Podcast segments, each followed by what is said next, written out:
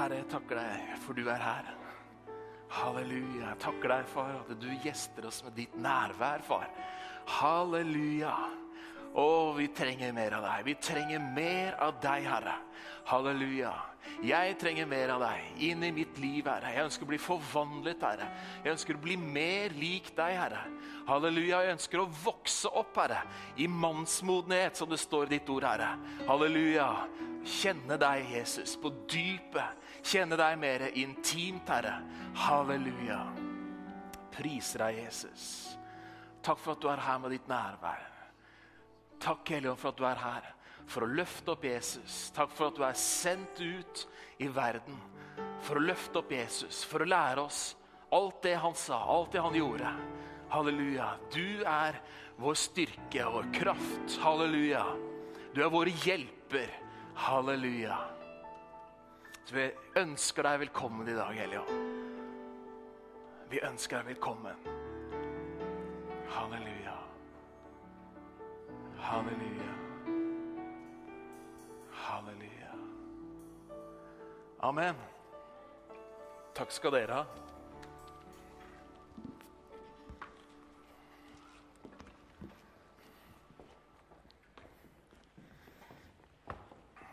Så bra å prise Herren, er det ikke det? Jeg syns det er fantastisk deilig. altså. Det er så bra å bare stå og hvile innenfor Gud. Og bare legge hjertene våre innenfor Han. Jeg elsker å lovprise Herre. Virkelig. Det skulle jeg gjort mer av i dag, men jeg har også noe jeg skulle si. skjønner du. Ehm, det er så hyggelig å være her i dag. Jeg har gledet meg skikkelig til å, å, dele det jeg har på hjertet mitt med dere i dag. Og jeg håper virkelig at dere får ut av det like mye som jeg har fått ut av det med å forberede meg. For det har vært utrolig bra forberedelse. altså. Skikkelig. Eh, jeg har vært eh, veldig inspirert, så må unnskyld meg at jeg er litt inspirert i dag. For jeg, det jeg ønsker å si til deg, det er noe som ligger på hjertet mitt. Og jeg, jeg tror det blir bra. Jeg håper det blir bra. Halleluja. Du vet hva? Når jeg først står her, vet du, så eh, må jeg bare si eh, at vi har en veldig bra ungdomsgruppe. Woo! Veldig bra. Eh, jeg var hjemme og forberedte meg til eh, dette møtet på fredag. Men jeg hørte at eh, Simon han prekte skikkelig bra. Eh, veldig bra, Simon, at du bare ga jernet og prekte sokka av dem. ja, det er skikkelig bra. Eh, vet du hva? Vi opplever eh, en virkelig sånn flyt i eh, ungdomsarbeidet for tiden. Og de møtene vi har hatt nå eh, etter eh, nyttår, har vært utrolig bra. Gud har vært der med sitt nærvær, og vi ser at ungdom de hengir seg til Gud. De får et fornyet forhold til Gud.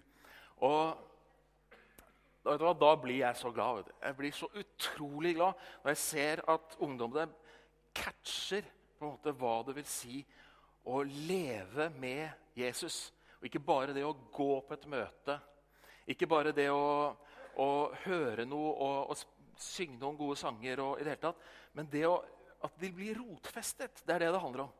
Det er At de har noe å ta med seg videre. Men det er ikke det jeg skulle snakke om. Jeg bare måtte benytte sjansen. Vet du hva? I dag skal jeg snakke om 'Du må spise'. Catchy title, er det ikke det? Hallo? Ja, det var bra, det var bra tittel, var det ikke det? Jeg syns det var utrolig bra tittel. Uh, jeg, jeg, fikk den ideen uh, i fjor høst. Da var det en liten gjeng av oss som var nede på en ungdomskonferanse i Tønsberg. Get Focused. Vi hadde lånt ut hytten vår til noen av ungdommene, og så dro jeg selv ned sammen med min eldste sønn Jakob og noen nieser. Um, og så Lørdagen var fantastisk bra. Der. Det var uh, alt fra volleyball til masse god mat og seminarer og herlig lovsang og bønn og i det hele tatt utrolig bra opplegg.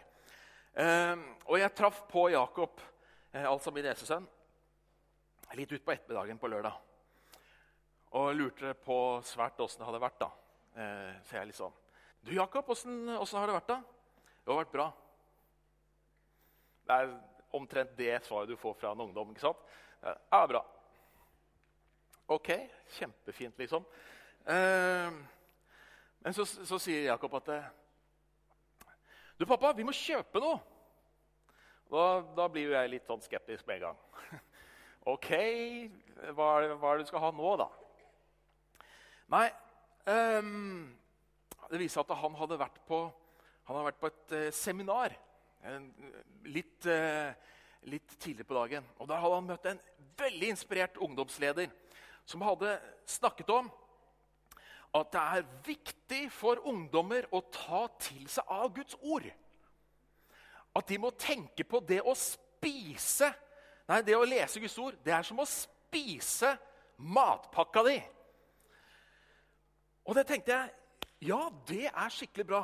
Og så sa Jakob så du, pappa, du skjønner det at jeg må bare ha den Bibelen han snakket om. Fordi jeg må spise mat! Og jeg tenkte ja, vi kan, vi kan kjøpe fem stykker, så har vi i tilfelle du har glemt, mistet noen andre. Var veldig, da var jeg veldig i kjøpehumør. da. Skikkelig inspirert, ikke sant?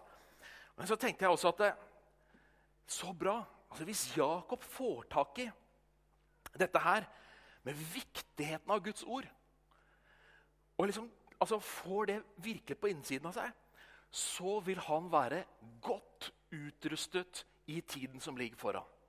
Og der ble denne ideen født. Du må spise. Og det handler om Guds ord. Forrige søndag så snakket eh, Tom Det passet jo egentlig veldig bra, for Tom snakket om dette med Jesus storhet. Og at vi har egentlig sett så utrolig lite av hvor stor han egentlig er.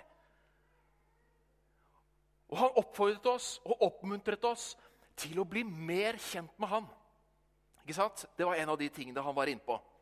Og det passer veldig godt med akkurat de tingene jeg skal snakke om i dag. For vi skjønner stykkevis og delt. Vi er menneskelige, ikke sant?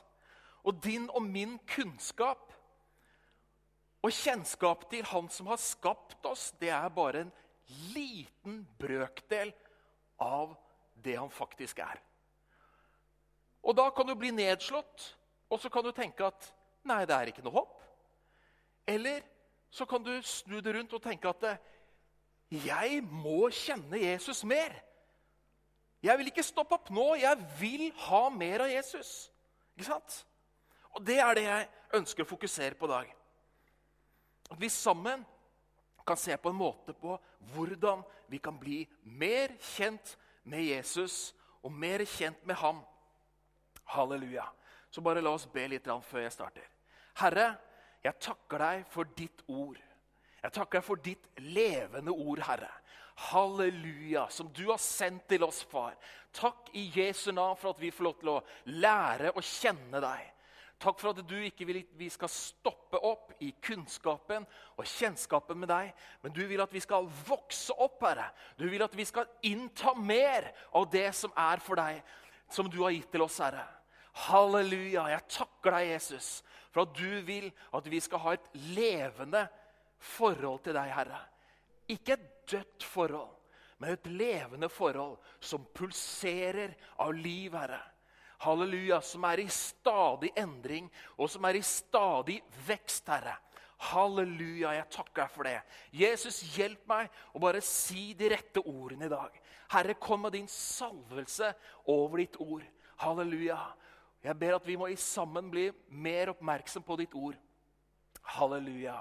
I Jesu navn. Amen. Halleluja. La oss begynne med Jesus. Det er et utgangspunkt. Bra utgangspunkt. Uh, vi kan få neste slide? I Johannes 1,1. Hvem er det som har med Bibelen sin i dag, forresten? Bra! Jeg, de, de ungdommene som på en måte pleier å være sammen med meg, de tenker at Thomas, du er en hykler. Du pleier ikke å ha med deg denne her. Nei, jeg gjør ikke egentlig Vi er blitt så nymotens. Så vi går med sånne, vi nå. Her har vi Bibelen. Men jeg gjorde det liksom for at jeg skulle bare illustrere det i dag. da. Men har du en iPad eller et annet lesebredd eller noe annet som du har Bibelen på, så ta det fram. slå opp i Johannes 1,1. For der står det I begynnelsen var Ordet. Og ordet var hos Gud. Og ordet var Gud. Han var i begynnelsen hos Gud. Alt ble til ved ham, og uten ham ble ingenting til av det som ble til. Amen? Du skjønner at det, Jesus, han er Ordet. Det er det Johannes prøver å si der. Så jeg litt ut av konteksten. Jeg leser litt mer av konteksten. Det skal ikke vi gjøre nå. Men det Johannes sier her, det er at det, Jesus er Guds levende, manifesterte ord. Amen? Jesus han var lidenskapelig opptatt av Guds ord. Når du leser om Jesus helt fra han var liten, da han ble borte i tempelet som tolvåring, så fant de han igjen ikke sant? i tempelet, hvor han drev og lærte de skriftlærde. Og gjennom hele hans livsgjerning så ser du det at hvor enn han kom, så snakket han om Guds ord. Han la ut Guds ord fra de gamle skriftene, fra profetene. Når han lærte i synagogene rundt omkring, så tok han opp forskjellige skriftsteder. Og når han underviste, så underviste han ut ifra Guds ord. Så du ser det at det, han var veldig opptatt av ordet. Helt til han ble hengt på et kors, så sto ordet i fokus for ham. Og det han ville vise, det var Guds ord i praksis. Guds ord i praksis. Og det er litt av, nøklige, det, er liksom litt av det jeg ønsker å, å fokusere på i dag. Guds anvendte ord. Og hvordan vi kan vokse i troen og skjønne mer av hvem som har frelst deg. Ok? Er dere med? Ok, Jeg skal ikke ta en veldig lang runde på Guds ords autentisitet, som det heter. Altså om Guds ord faktisk er sant. Det overlater jeg til de som er litt mer skriftlærde enn meg. Teologene kan få lov til å argumentere på det. Men jeg tenker at det, uansett argumentasjon Uansett på en måte hva du legger til som premisser for det du argumenterer for, så vil du før eller siden komme ned til Hva tror du egentlig? Hva er din overbevisning? Hva har Gud overbevist deg om? Legg merke til at jeg, jeg sier ikke at det, du kan tro på Guds ord dersom du skjønner alt som står der. For som jeg sa i sted, at det, vår kunnskap om dybdene i Bibelen det vil uansett være stykkevis og delt. Men hva legger du til grunn for din tro? Er det følelser? Følelser går opp og ned. Er det opplevelser? Et godt møte, på en måte? Du fikk en skikkelig sånn bra frysning på en møte. Hvor lenge varer det, da? Ja, Da kommer du kanskje litt ut i uken, så glemmer du det. For da var det noe annet som overskygget det. Hva er det du legger til grunn for din tro? Vet du hva? Jeg er overbevist om at Guds ord det er Guds inspirerte ord til oss mennesker. Halleluja. Ok, Det er mange forfattere som har skrevet gjennom mange århundrer. Og de har puttet sin personlighet ned i det de har skrevet. Men allikevel så tror jeg at Gud har hatt en finger med i spillet. Og han har ønsket å samle disse tingene slik at vi kunne ha en rettesnor i livene våre. Så når vi leser om David og Goliat Når vi leser at David tar opp en stein i slyngen sin Og han roper ut mot Goliat. 'Jeg kommer imot deg i hærskarenes herre.' Så er ikke det en fin historie, bare. Ok, Så det er en fin historie, men det er ikke en fin historie bare. Den er der for å inspirere deg. Den er der for å fortelle deg noe. Gud ønsker å si noe til deg gjennom den historien. Halleluja. Profeten kan vi lese om profeterer at det skal fødes en gutt i Betlehem. Og han skal være frelse, frelseren for alle mennesker. Han skal være lyset som skinner i mørket.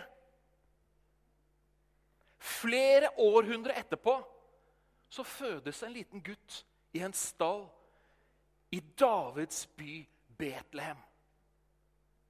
Og han blir verdens lys. Halleluja. Du skjønner det at det, da, skjønner, da har du profetordet. Og det er ikke bare en historie, men da skjønner du plutselig at Gud har noe med det. Han har en finger med i det. Det var et poeng at han sa det til profeten flere århundrer tidligere. Han ble såret for våre overtredelser, knust for våre misgjerninger. Straffen lå på ham for at vi skulle ha fred. Og ved hans sår så har vi legedom, sier profeten. Lang tid før det faktisk skjer. Jesus dør på et kors. Lang, lang, lang tid etter at denne profeten ligger død og begravet. Men allikevel så valgte Gud å inspirere profeten. Og han nedtegnet det, slik at vi i ettertid kan lese og bli oppmuntret og se at ja, Jesus som døde på et kors, han var virkelig den profeten snakket om. Du skjønner, Guds ord er virkelig. Guds ord er levende og virkekraftig, som det står. Halleluja. I Hebreerne 4,12 så står det akkurat det. At Guds ord er levende og virkekraftig. Det er ikke bare trykksverte. Halleluja. Guds ord er min styrke. Det er min oppmuntring og min glede i hverdagen. Det er min inspirasjon. Halleluja. Det er min glede. Og det veileder meg, og det gir meg styrke. Det lærer meg om Jesus, slik at jeg kan bli mer lik han. Skjønner du? Guds ord, det er viktig for deg. Det er viktig for meg i våre kristenliv. Du skal ikke ta lett på Guds ord. Selv om ikke vi skjønner alt som står der. Jeg skjønner holdt på å si ingenting. Jeg skjønner veldig lite av hva som står der. Det er så mange dybder vet du, i Guds ord. Det er akkurat som, som en løk som du på en måte skreller av og skreller av og skreller av. Det er, det er lag på lag på lag. Så når du driver og leser et ord, så skjønner du litt til. Og etter hvert som du lærer mer Bibelen å kjenne og Gud å kjenne, så leser du kanskje det samme ordet en gang til. Så skreller du av et nytt lag. Wow, var det det som sto der?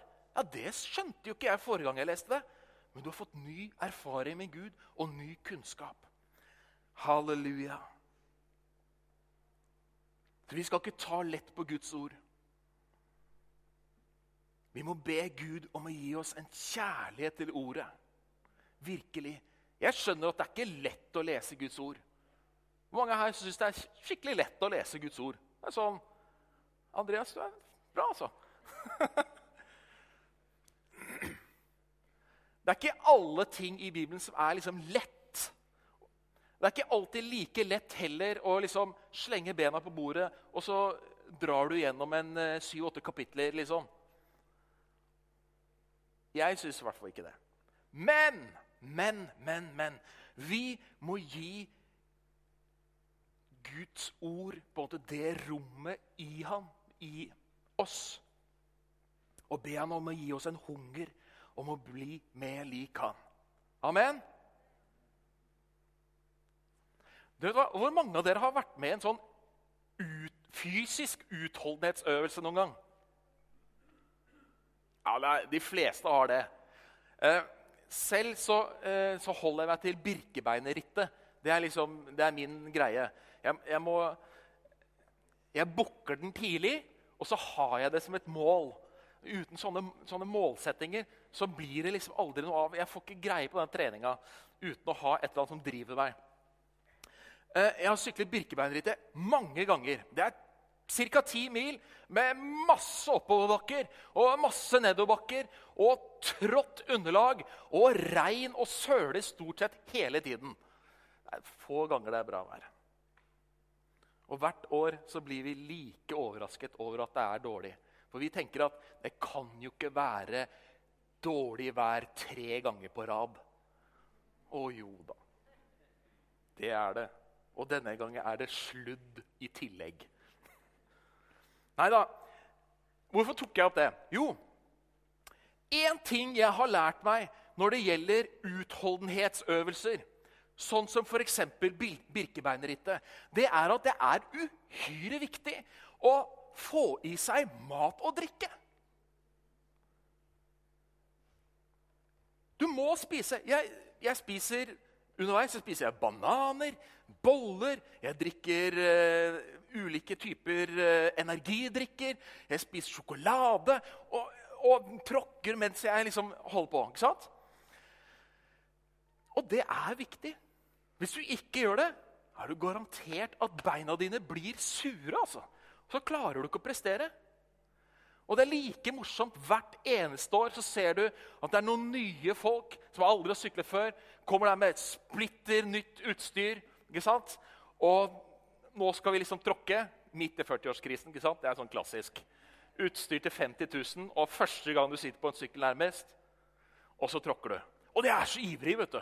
Og de, liksom, de har statistikker på når de skal være oppå Skramstadsetra, og når de skal, osv. Og, og de sykler og de sykler. Og så glemmer de å spise. vet du. Det er sånne matstasjoner underveis. Det er, ikke, det er ikke nødvendig at du stopper på matstasjonen, men i hvert fall så rekker du ut en hånd, så du får deg litt energidrikk som du hiver i deg. Eller en banan osv. Og, og de glemmer det, og vi sykler fra dem. vet du.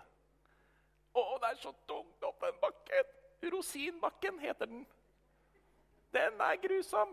Da blir du helt rosin i vei. da. Og den er tung, altså. Rosinbakken. Den er grusom. Men hvis du spiser, så har du en mye større sjanse for å gjøre det bra der. Sånn er det med deg og Guds ord også. Hvis ikke du tar til deg Guds ord, så blir du sur i beina. Skjønner du hva jeg mener? Du er nødt til det, skjønner du. Ok, nå kommer det en Bare ta over neste slide, Viggo. Lukas 8, 5-15. Slå opp i biblene. Nå skal vi se på Lignelsen om såkornet den kjenner vi alle sammen, tror jeg. Lukas 8, 5-15.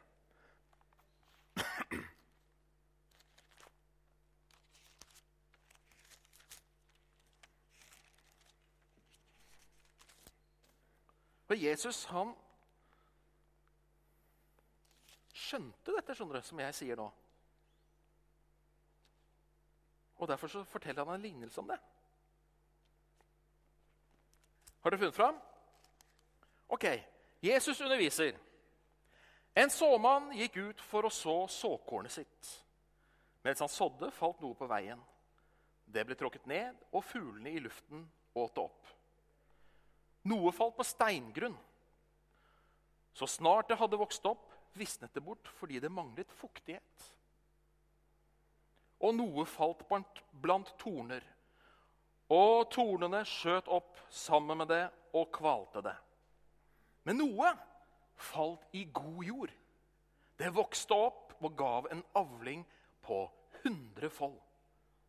Da han hadde sagt dette, ropte han, 'Den som har ører å høre med, hør!' Og så hopper vi ned til vers 10. Og han sa Nei, vers 11. Unnskyld. Vers 11. Lignelsen er slik å forstå. Såkornet er Guds ord. Legg dere det bak øret. Det er Guds ord. De på veien er de som hører, men så kommer djevelen og tar ordet bort fra hjertene deres, så de ikke skal tro og bli frelst. De på steingrunn er de som tar imot ordet med glede når de hører det. Men de har ingen rot. De tror en tid, men i fristelsens stund så faller de fra. Det som falt blant torner, er de som har hørt, men som på vandringen kveles av bekymringer, rikdommer og livets lyster, og som ikke gir moden frukt. Men det som falt i god jord, er de som har hørt ordet med et rett og godt hjerte, bevarer det og bærer frukt med tålmodighet. Amen. Legg merke til det som jeg har ringet ut her oppe. Tar vare på det. Det er nemlig nøkkelen. Ta vare på det. Ta vare på Guds ord, som er sådd i hjertene våre.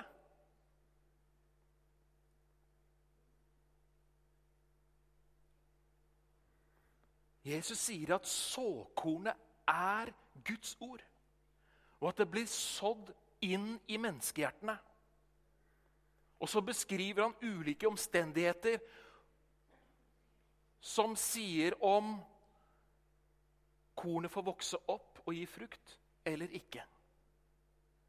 Og lignelsen avsluttes med at vi kan påvirke om ordets kraft forblir i oss og bærer frukt. Vi må nemlig bevare det. Vi må forvalte det i vårt hjerte.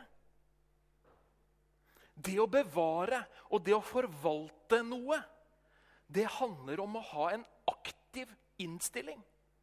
Det er noe vi gjør. Noe, du kan ikke på en måte bare ta og putte det i et skap, og så ligger det der. Det er jo ikke å forvalte med ref til den andre lignelsen om de som fikk ulike talenter. Du kan ikke bare grave ned. Du må forvalte det for at det skal bære frukt. Det er ikke noe som kommer av seg selv, men altså en aktiv handling.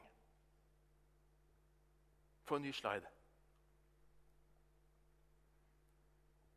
Paulus også sier i Kolosserne 3,16.: La Kristi ord få bo rikelig i dere, i all visdom, slik at dere underviser og formaner hverandre med salmer og lovsanger og åndelige sanger, og ved nåden synger i deres hjerter for Herren. La Kristi ord få bo rikelig iblant oss. Det er det vi ønsker. Så hvordan er det vi kan undervise hverandre, egentlig? Jo, det er ved Guds ord, er det ikke det? Hva er det vi underviser hverandre? Jo, det er Guds ord.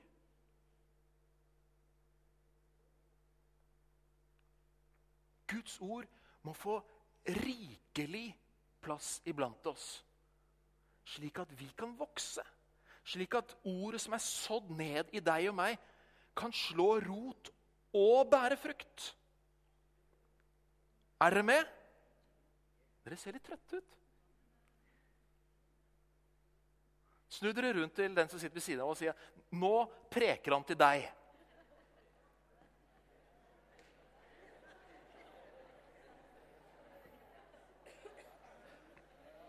Kan jeg ta noe av denne vannet her?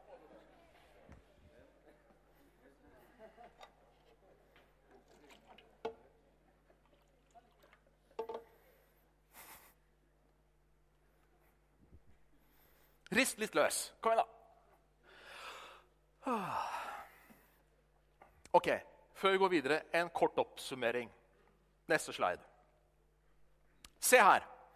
Vi har altså snakket om at Jesus er Guds levende ord. Det var det vi startet med. ikke sant? Og så er vi forvaltere av det ordet. Det betyr at vi er ansvarlig for hvordan det går med ordet og det som er sådd ned i oss. Vi er ansvarlig for det. Guds ord det er levende, kraftig og aktuelt. Jeg skrev aktuelt der fordi at det leder deg og meg i dag. Halleluja.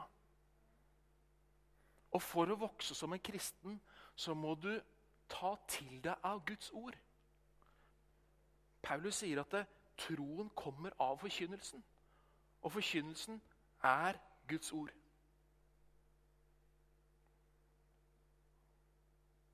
Ok. Når Jesus snakker om å bevare ordet i hjertet, så er det altså ikke bare det å huske på det. Det er ikke det er ikke det, det går på. Det er veldig bra å memorere vers. altså. Det har jeg stor tro på. For det, det, er en sånn øvelse i å bevisstgjøre deg Guds ord også. Men det er ikke utelukkende det han snakker om. Det det går på, altså det som har med å bevare Guds ord, det er å ta det til seg, grunne på det og omsette det til handlinger. Slik at det blir en aktiv del av deg. Det er det vi ønsker. ikke sant? Vi ønsker ikke kunnskap, altså ren kunnskap. Det vi ønsker, det er at det blir gjort om til liv. ikke sant? Slik at vi kan ta ordet som vi har fått, og gi det videre til andre gjennom våre liv. Så når Paulus snakker om å ikke være et ordets hører, men en gjerningenes gjører, så handler det nettopp det å omsette i praksis de tingene som er sådd ned i våre hjerter. Amen? Dersom det bare blir kunnskap, Dersom vi bare på en måte tar til oss hodekunnskapen, ja, hva blir det da? Da blir, da blir vi veldig fort hykleriske, dere. Det tror jeg. Det er det Jesus rif, eh, refser de skriftleide. De hadde utrolig mye kunnskap, men de gikk rundt og bedømte andre ut ifra et liv som de ikke selv levde.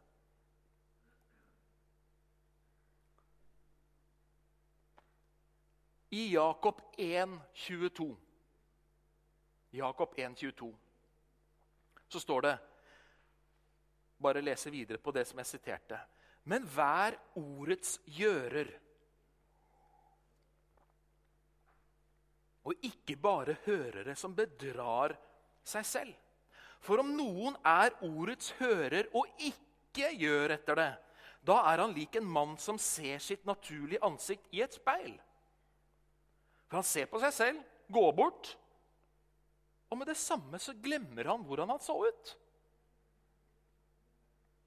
Men den som ser inn i den fullkomne lov og fortsetter med det, og ikke blir en glemsom hører, men en gjerningens gjører, han skal være salig i alt han gjør.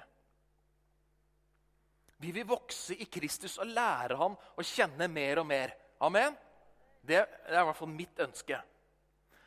Og Det betyr at vi må se inn i Guds fullkomne lov og fortsette med det. Du skjønner, Guds ord er like viktig for din ånd som mat er viktig for din kropp. Jeg tror du kan ta neste slide.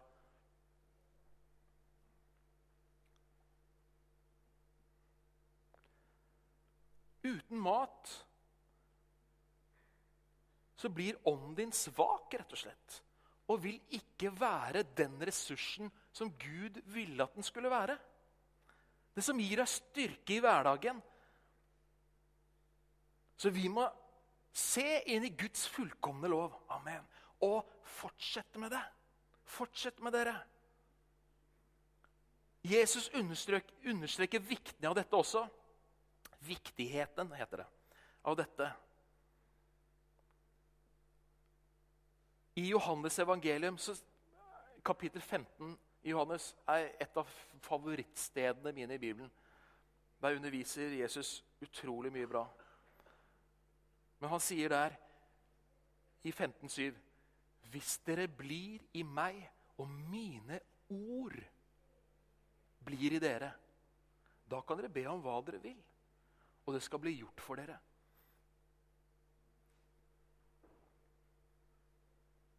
Amen. Hvis dere blir i meg, og mine ord blir i dere Venner, Guds ord er noe vi må ta til oss og skjønne viktigheten av. Det er fundamentet for kristenlivet vårt. Ja, vi skal ha bra møter.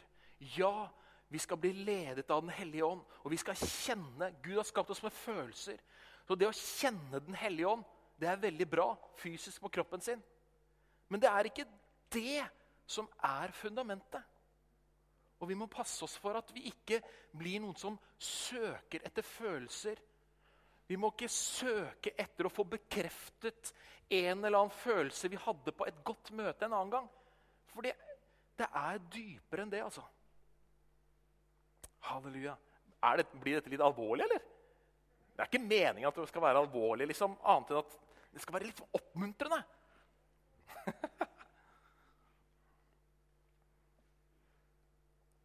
Dersom det er lenge mellom hver gang du tar til deg av Guds ord Jeg merker det selv også. Eller vært sammen med Jesus i bønn. Så må vi ikke være så fryktelig forbauset over at kristenlivet vårt går opp og ned. Det er bare en erkjennelse av at du da på en måte ikke tar til deg Guds ord. En god venn av meg som har vært kristen i mange år, som er vokst opp i en menighet, han sier det at det, han merker det så godt i de periodene hvor han lever nære Gud, hvor han tar til seg Guds ord, hvor han får ta tid til bønn. I forhold til de tidene hvor det er vanskelig, hvor det er han ikke klarer det. Han sier at det, han merker så utrolig godt på hvordan kristenlivet fungerer på den ene eller den andre veien. Han er veldig klar på hvor han ønsker å være. Dere, Vi må hjelpe hverandre og oppmuntre hverandre til å komme inn for Gud og ta til oss av Gud, ta til oss av Jesus. Halleluja. En annen god venn av meg Han har sagt at Han har sagt at det viktigste i hans liv, det er å be og søke Gud. Og det er jo en from det er en from måte, eller hva heter det? En from eh.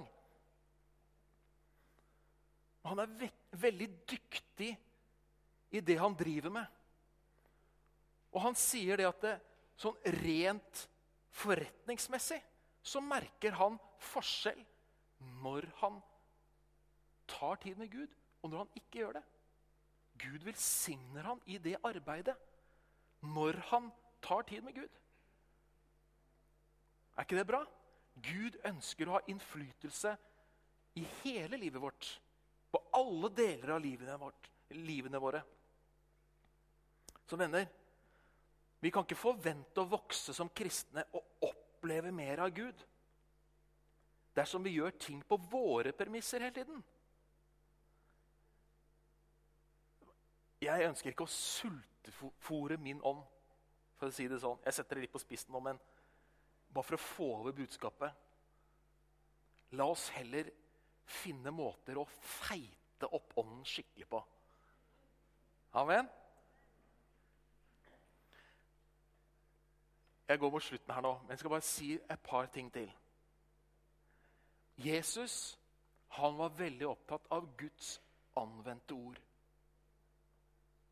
Altså omsatt i handling ved hjelp av Den hellige ånd. Vi ønsker at Den hellige ånd skal lede oss i hverdagen. ikke sant? Vi ønsker å ha den nærme kontakten i hverdagen som vi føler her på møter av og til. Hvor vi bare kjenner at Gud er her. Han taler til meg. Og det er ikke forbeholdt her det, som en sånn slags massesuggesjon. Gud leder deg i hverdagen. Han kan tale til deg i hverdagen. Og han ønsker å bruke deg og meg i hverdagen. Akkurat der vi er. Det er jeg helt overbevist om. Og Jeg har opplevd det mange ganger selv, og det er en så utrolig herlig opplevelse å se hvordan Gud gjennom meg påvirker andre menneskers liv.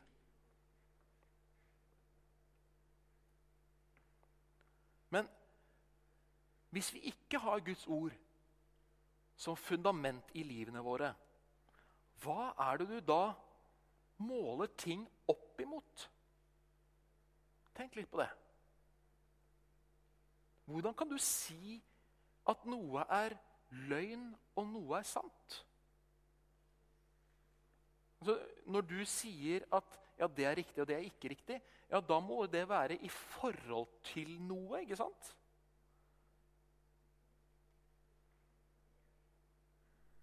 Hvis det er noen som har problemer med sin tro i omgangskretsen din,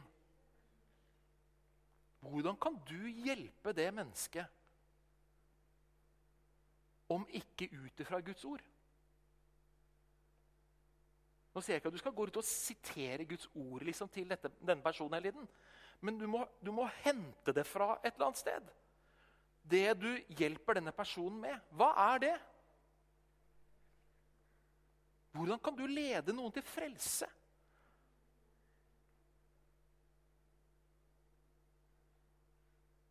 Venner, hør her. Vi må vokse opp til modne kristne, som Paulus sier. Paulus sier at det, det er nyfødte kristne, og så er det de som er unge menn, som han sier. Det er de som har kommet litt videre. Så er det voksne. Han snakker om aldersmålet i Kristus, så det går an å vokse. Tilbake igjen til talen til Tom forrige søndag. Han snakket om akkurat dette her med at vi må ikke stoppe opp. Altså Hvis opplevelsen vår med Kristus, med Jesus, er den du fikk da du var frelst, så er det så veldig mye mer å hente, dere. Det er så utrolig mer å hente. Mye, mye mer. Og det er det jeg ønsker å oppmuntre deg til i dag. Om å bare ta steget videre. Bestem deg for at ja, jeg vil gjerne vite mer om deg, Jesus. Jeg vil lære deg mer å kjenne. Halleluja. Guds ord bør være grunnboken vår, på en måte oppslagsverket, fasiten. Det som står der om alle redskapene på en måte vi har fått tilgjengelig i Kristus. Alt han har gjort i rede for oss. Alle løftene. Jeg tok dette bildet her på ungdomsmøtet for en tid tilbake. Men tenk deg nå at du er en livredder. Tenk deg at du er en skikkelig bra livredder i Baywatch. Nei Var det noen som skjønte det? Ja, det var noen.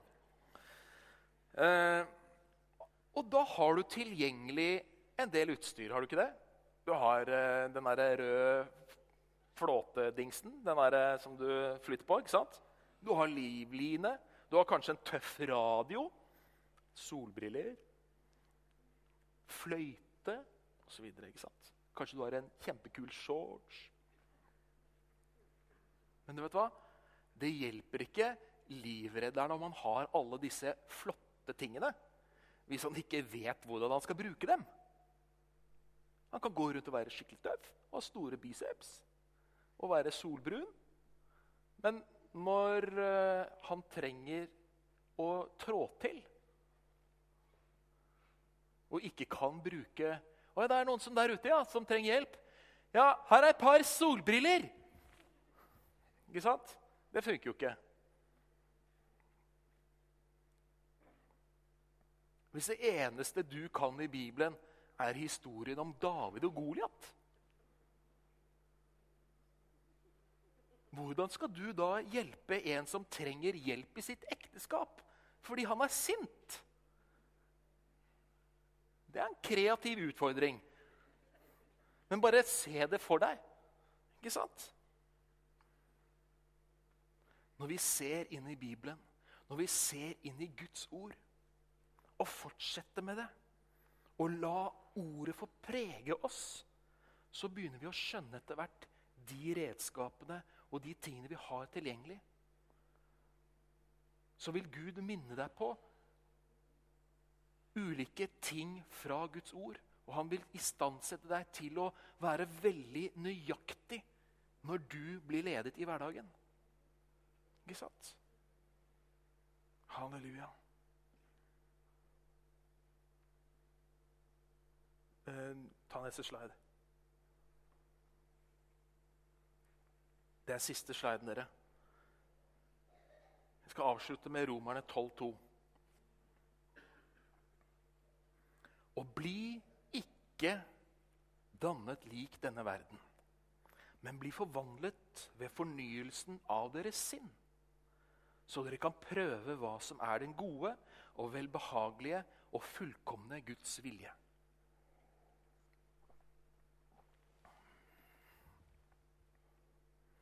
Paulus snakker om å fornye sinnet våre. Og ikke bli preget av denne verden. Denne verden vil prege oss gjennom alt. Og det er ikke alt som er like bra.